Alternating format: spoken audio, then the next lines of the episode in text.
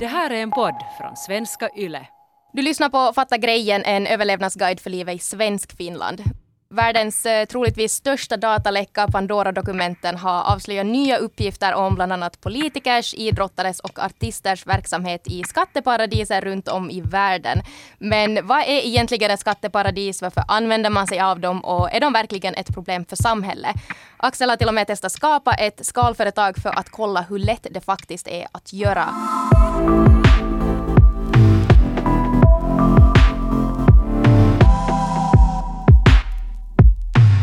Axel, idag så ska vi ju då snacka om skatteparadis och allt vad som hör dit till. Men det första som vi måste börja med att reda ut är ju, vad är ett skatteparadis? Det är Åland.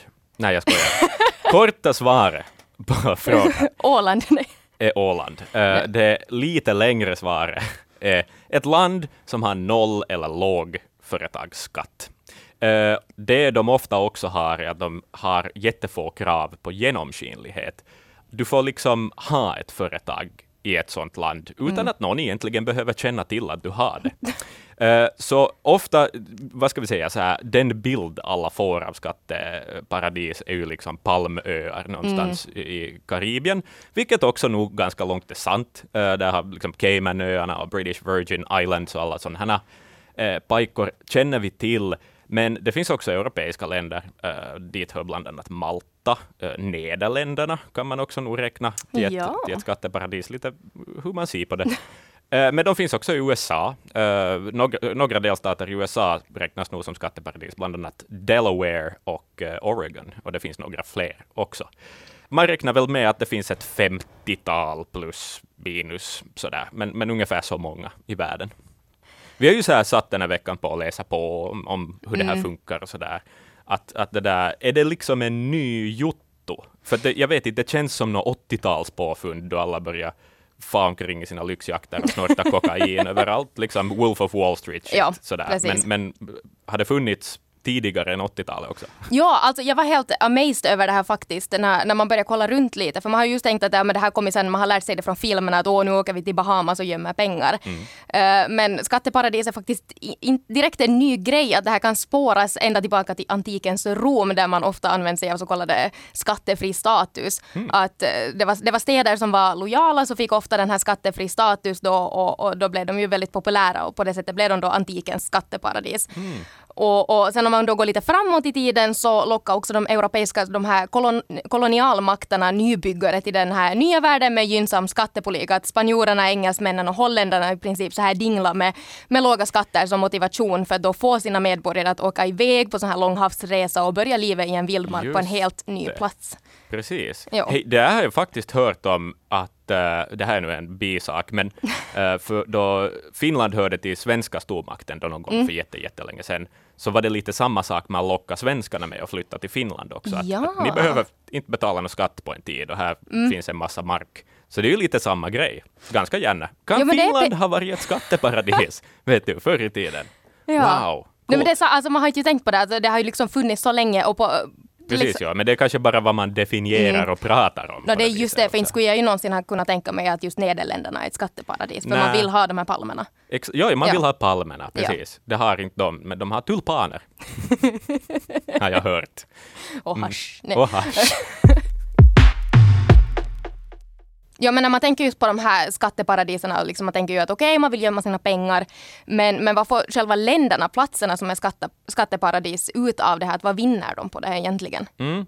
No, det är ju nog pengar. Eh, Man kan se det som att, vad skulle de annars ha? No, då är det kanske turism. Vi snackar ju ändå palmer och sandstränder. Förstås kommer turisterna dit. Men det är ju en sån liten bråkdel av vad som får ett land att gå runt på något vis. Så att de säljer ju tjänster och den tjänst de säljer är, är egentligen den där anonymiteten. Det är ju kanske det som är det viktigaste. Att du inte behöver lämna ut din bokföring för ditt företag till något, till ditt eget lands myndigheter och, och deras egna länders myndigheter har inte heller någon rätt att ta del av den här bokföringen för att lagstiftningen ser ut som så. Och det kräver jättemycket för att typ ditt hemland ska få tillgång till de här uppgifterna. Det, det är liksom domstolsbeslut både i det egna landet och i det land där du har det där företaget. Ja, så på, så på ett sätt så går man lite bakom ryggen på sitt eget land. Exakt, Ja. det är precis vad det gör. Ja. hur mycket pengar man räknar med att det finns i de här ställena är också helt sjukt. Alltså, eh, OECD, då, Organisationen för ekonomiskt samarbete och utveckling, eh, de räknar med att runt 8 procent av hela världens hushålls egendomar är gömda i skatteparadis. Nej. Ehm, I pengasummor så är det fruktansvärda mängder. Det är sådana mängder så att jag inte begriper. Alltså jag begriper knappt en summa över tusen euro, eh, känns det som. Så att, men nu snackar vi alltså 17 biljoner dollar. Då. En biljon alltså tusen miljarder, omvandlat till några saker eller föremål, och om nu ett land kan vara en, ett föremål, så skulle det vara liksom fyra gånger Tysklands BNP, lite mer konkret, Jeff Bezos, en av världens rikaste män, han har lyxjakter. Eh, man skulle få eh, 34 000 stycken ja. sådana. Och då snackar pengarna. vi inte heller en vanlig jakt, utan det är ju en överdrivet lyxig jakt som Jeff Bezos Jo, har. jo, han skulle inte nöja sig med det näst Nej. bästa, utan han vill ha det bästa. Eh, så är det. Vill du se Finland spela ishockey nästa år eh, i VM, så skulle du kunna köpa 242,8 miljarder biljetter. Skulle du kunna köpa för de pengarna. Wow! Det är helt tillräckligt för mig. Alltså, det, men det, är- det är liksom för att jag testade också det. Mm. men jag skulle räkna ut, och jag, förstod, jag förstod mig inte på de här nollorna. Nej. Alltså jag, det var liksom 18, 12 nollor. Nej, alltså. Ja, men det är ju som sak samma på åtta nollor. Vet du, det är ändå för mycket. Nej, det är just det, i något skede far ju gränsen. Samma lite också för mig. Jag- När, när det har nått tusen euro så då, då är det liksom för mycket för mig. Jepp, exakt. Mer Någonting som är tusen euro är dyrt. Tänk om jag skulle ha tusen euro i ett Mm. skatteparadis. Vad skulle jag kunna göra med de pengarna? Köpa en TV, kanske två till och med. Ja, men vad är, vad är det för människor som använder sig av de här skatteparadis då? Mm. När man snackar med liksom de här journalisterna som har varit med och grävt i de här Mm. Pandora-dokumenten, så, så skulle man kanske sammanfatta det i fem kategorier av, av Ja. människor ungefär. Okej. Att, eh, den första kategorin, och kanske största kategorin, är liksom ganska långt vanligt folk. Det är kanske Ja. människor som har varit företagare och sålt ett företag och vill skatteplanera lite så att inte liksom staten får en för stor del av den vinsten. Sen den andra stora kategorin är kändisar. Eh, där har vi ju hört om bland annat eh, Shakira har varit i blåsvädret. Ringo Starr, gamla Beatles-trummisen också. Många av dem har sagt att sådär, men det, inte, det var inte mitt val att sätta de här pengarna i, i något skumma företag i Caymanöarna, utan det är jurister och sånt, deras team som har planerat ekonomin och sådär. Alltså, Eh, egentligen är det juristerna som är, det är boven. fel, exakt. Mm. exakt. De hade ingenting att säga till om stackarna. Stackars Shakira Stackars Ringo människor Starr. som blir rika. Exakt. Ja. Nå, det är liksom en kategori. Mm. Eh, en tredje kategori är korrupta politiker. Mm. Älskar. Det finns massor med sådana. Också här, jag menar, jag minns då, var det 2016 som de här Panama-papperna Ja. avslöjades, så då i, i samband med det så avgick ju Islands premiärminister, vad han nu heter, Gun, Gunnarsson eller någonting, avgick då för att han hade något eh, sån här företag. Varför är det här då paha? Nå, det är ju jätteskenheligt. De ska fördela de gemensamma pengarna och vara på Mm. något vis förebilder. Och sen sitter de själva och gömmer undan en massa pengar. Där har vi, det är ju liksom en kategori. Ja. Dit kanske vi sätter vi Islands premiärminister. Men sen har vi ju en massa oligarker och Putins kompisar och människor som liksom mer eller mindre har stulit pengar från sina länder och. Ja. steppat dem någon annanstans. Och där är det också, men sen är det ju nog paha om man som politiker också sitter och, och säger till folk att, ah, att betala skatt är så coolt, det ska vi göra. Så Exakt. sitter, sitter man själv och bara skyfflar iväg pengarna. Precis, betala skatter till mig så jag kan Ja. stoppa undan dem någon annanstans. Precis. Fjärde kategorin, rena kriminella. Alltså, det kan vara människor som har jättestora skulder i sina hemländer, men gömmer sina förmögenheter någon annanstans, så att skattemyndigheterna aldrig får, får reda på det och så där. Men där kan ju också finnas maffiabossar och knarkbaroner och alla möjliga sådana här fina eh, titlar, eh, helt enkelt. Det är faktiskt ganska mycket kriminella bland de här papperna som, som eh, Pandora-läckan då har, består av, eh, så att säga. Ja. Eh, och sen förstås företag, multinationella bolag eh, sysslar mycket med det här. Det här kan vi väl kanske komma in på det där att vad kan det vara bra för med sådana här skatteparadisjutton? Nå, vi tänker ett exempel du har ett multinationellt bolag mm. uh, som är ett amerikanskt bolag som har kanske ett dotterbolag i Tyskland som i sin tur har en fabrik i Vietnam och sen säljer sina produkter till någon kund i Bulgarien. Så istället för att behöva gå igenom alla de skilda ländernas byråkratier så kan du sköta hela affären via något just skalföretag i, i någon önation någonstans. Okay. Uh, vi kommer in på skalföretag ja. helt snart, så du är inte dum i huvudet om du inte förstår vad det är.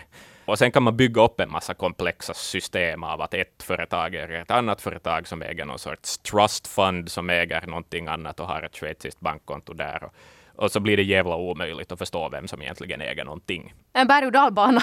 det är det ja. Och ja. Jag, jag, är som så, jag har läst och, och läst denna veckan och jag irriterar mig, liksom, för jag ville på något vis ha ett exempel på mm. så här, hur, hur går det till i praktiken om jag vill gömma pengar någonstans. Så där, kan någon ge ett exempel på ett upplägg? Men ingen har riktigt velat ge ett exempel på ett upplägg för att det är onödigt. För att det finns sen, fast jag skulle ha ett exempel, så finns det tusen andra exempel som en annan mall på något ja. vis. Så det är liksom onödigt att snöa in på den bästa bolagsstrukturen för att försnilla pengar liksom, på något vis. För att de är komplexa av en anledning och det är just för att man inte ska förstå. Ja, för att man då vis. inte ska kunna lista ut uh, hur det har gått till och vad som hör vart helt enkelt. Yep. Ja en av de här stora frågorna gällande skatteparadis är ju att varför är de ett problem eller är de ens ett problem att varför ska, varför ska vi egentligen bry oss om mm. dem? Och no, det är ju egentligen inte brottsligt att äga ett sånt här skatteparadisbolag men, men dolda bolag används ofta också just för kriminell verksamhet som sagt och som penningtvätt eller, eller skattebrott. Mm. Så det är ju inte riktigt bra. Nej, precis. Även om det är, precis som mm. du säger, helt lagligt. Sen är det ju förstås mycket skattepengar som man går miste om. Um, de rika blir ännu rikare. Uh, medan vanliga människor bara försöker betala sina skatter och få samhället finansierat och vägarna byggda och sjukvården eh, uh, och funka och andra drar iväg med en massa med, med kosingen, för att ja. använda ett uttryck från Ankeborg, kanske de talar om kosing. Kosing, mm. ja. ja, det är ett mysigt ord. Uh, ja, och sen också det här leder ju till att just de rika då behåller pengarna för att bygga förmögenheter mellan generationerna, att de skapar just nästan en så här ny global aristokratisk klass och då mm. förvärrar kanske den här klyftan mellan de då globala har och inte har. Precis. Jo, jo, alltså där det finns ju rika släkter, mm, absolut, mm, det har det alltid funnits, men jag menar det här är ju ett sätt att bara göra dem ännu rikare. Ja. Och, och, och hålla det där liksom på ett och samma ställe. Exakt. Uh, sen, alltså enligt då OECD, som vi namedroppade här tidigare, uh, så är det ett växande problem också. Det, har all, det är ju ett problem som har funnits, vi gick mm. in på den där historiska biten, men um, man räknar alltså med att de här summorna i skatteparadisen har vuxit med 25 procent på fem år. Så det, är ju liksom fall, det har ju farit iväg så, så sakelis. Ja. Så nästa gång man kör på en väg med massa gropar så vet man att det skulle kunna fixas, men det, nu kan inte. Exakt, man skulle kunna jag vet inte. Jämna ut. med, med pengar, bara fylla dem med sedlar ur skatteparadis och fixa hålen i väggen. Ja, hälla lite champagne på där. Det också. Blir det, blir och kokain. Ja. Ja, och sen har vi också hela det här etiska problemet med det hela. Liksom att här är ett exempel om man tar en vanlig finländare som då har skaffat sig en riktigt bra utbildning här i Finland. Helt gratis för våra skolor och universitet är då skattefinansierade. Mm. Och sen har hen då lyft studiestöd och fått bostadsbidrag och hela den faderullan. Mm. Igen allt skattefinansierat det också. Och sen grundar hen då ett företag och får företagsstöd av staten för att komma igång. Också mm. det skattefinansierat. Och sen när det då går superbra för företaget så, så flyttar hen förmögenheten till i ett skatteparadis då för att undvika att betala skatt själv. Och det här är inte riktigt schysst. Människan i sig är ju en produkt av välfärdssystemet mm. på något vis. Ja, Jepp, det otroligt själviskt skulle jag Ja, men det är ju säga. det. Och yep. eller, liksom, vårt samhälle är uppbyggt på det sättet att eh, vi, vi, kan få alla de här grejerna för att vi kommer att betala tillbaka dem. Och så rullar liksom samhället mm. på i en hälsosam ekonomisk boll. Ja. Uh, uh, där coinar jag en en, en uh, officiell ekonomisk teori. Yes. Bra. Uh, på tal om officiella ekonomiska teorier. Uh, jag snackade också lite med en, en forskare på Hanken som har forskat mycket i, i liksom det vi förr kanske kallat tredje världen, men alltså fattiga länders ekonomi mm. och, och, så här. Så hon snackade också om det att de pengar som försvinner ur till exempel Afri många afrikanska länders ekonomier till de här skatteparadisen via korrupta politiker och, och, och företag som inte vill betala skatt till sina länder. Så de summorna som försvinner är större än de summor som de här länderna får i bistånd varje år. Alltså från kanske europeiska länder som vill vara med och bygga upp en ja. ekonomi i de här länderna, via förstås något Röda Korset och alla sådana här saker. Att det liksom går på minus hela tiden. Att det, det försvinner mer pengar än vad vi, Mm. vad vi, men liksom andra länder ger. Och det är ju också absurt om man tänker på vad de här pengarna kanske skulle kunna åstadkomma. Man kanske skulle kunna bygga, i en bäst, det bästa av världar skulle man kunna bygga upp kanske ett socialskydd och en, en fungerande ekonomi i många av de här fattiga länderna, om de där pengarna liksom skulle få hållas kvar. Kan Ja. vi spekulera i. Kan man åtminstone. spekulera? Är det Mm. för drastiskt att eh, säga att, det kan, att världen kanske skulle se bättre ut utan skatteparadiser då? Nå, inte kan vi ju avskriva Nej, det, vi men då ska vi också lita på att alla politiker har rent mjöl i påsen som sen, och, Mm. och kan göra vettiga saker med de här pengarna. Ja, det är sant det också. Sådär. Okej, så vi har, vi har då snackat om eh, vad skatteparadis är, vart de finns, vad det är för människor som använder sig av dem och eh, varför, varför vi helt enkelt ska bry oss om dem. Mm. Men hur gör man det här då? Att, ka- kan vem som helst sätta pengar i ett skatteparadis eller då skapa ett skalföretag? Att, kan man använda sig av den här, den här taktiken för att just gömma karkipengar eller tobakspengar från ens mamma? Absolut kan du det.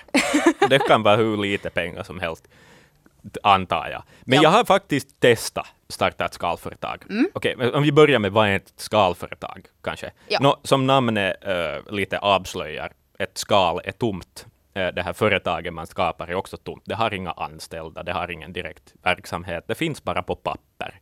Man brukar också kalla dem för brevlådeföretag, för att du måste ha en adress för att få eh, Ja, ha ja. ett sånt här eh, företag. Det kan finnas hus i så här skatteparadis som en, sam, en och samma adress kan liksom vara hem för tiotusentals företag, vilket ju är galet. Men ja, det är det vi snackar om. Sådär. Okej, men hur gör man? Axels korta guide till hur du startar ett eget skalföretag. Yes. Googla någonting, det är där vi börjar. Googla typ Setup Offshore Company. Det gjorde jag. Det kom massa resultat. Jag valde något som så Minst anvä- shady ut. Ja, exakt. Eller, eller så här användarvänligt ut. Okej, för att ja. det, det är så mycket i ekonomitermer och sånt, så jag förstod inte helt vad jag höll på med, så jag valde någonting där jag tyckte att jag förstod sådär, det de skrev. Sen ehm, får du välja då hurdant paket du vill ha, i vilket land eh, du vill sätta ditt företag. Det kan vara Caymanöarna, det kan vara Hongkong, det kan vara England. Eh, det finns liksom många, många varianter, många vägar att gå. Sen så ska du kläcka ur dig några alternativ till ett företagsnamn. Det här bolaget jag gick via, som inte är medvetna om att jag är journalist, ska sägas, så därför vill jag inte säga vad det där företaget heter heller, Ja. för att det skulle vara oschysst.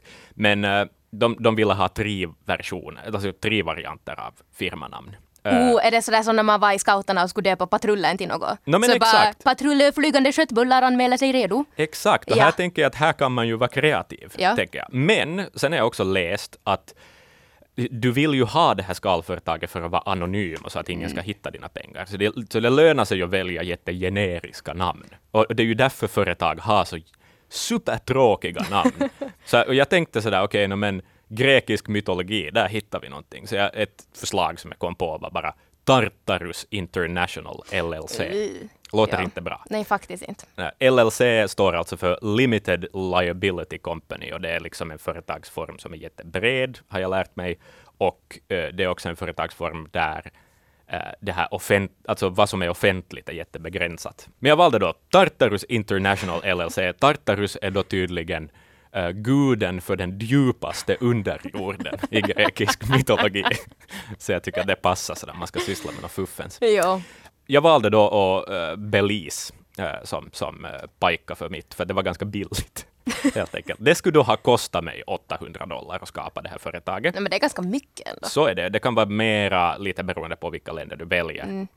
Eh, Men sen kan du också välja extra service. Och det här är fina grejer.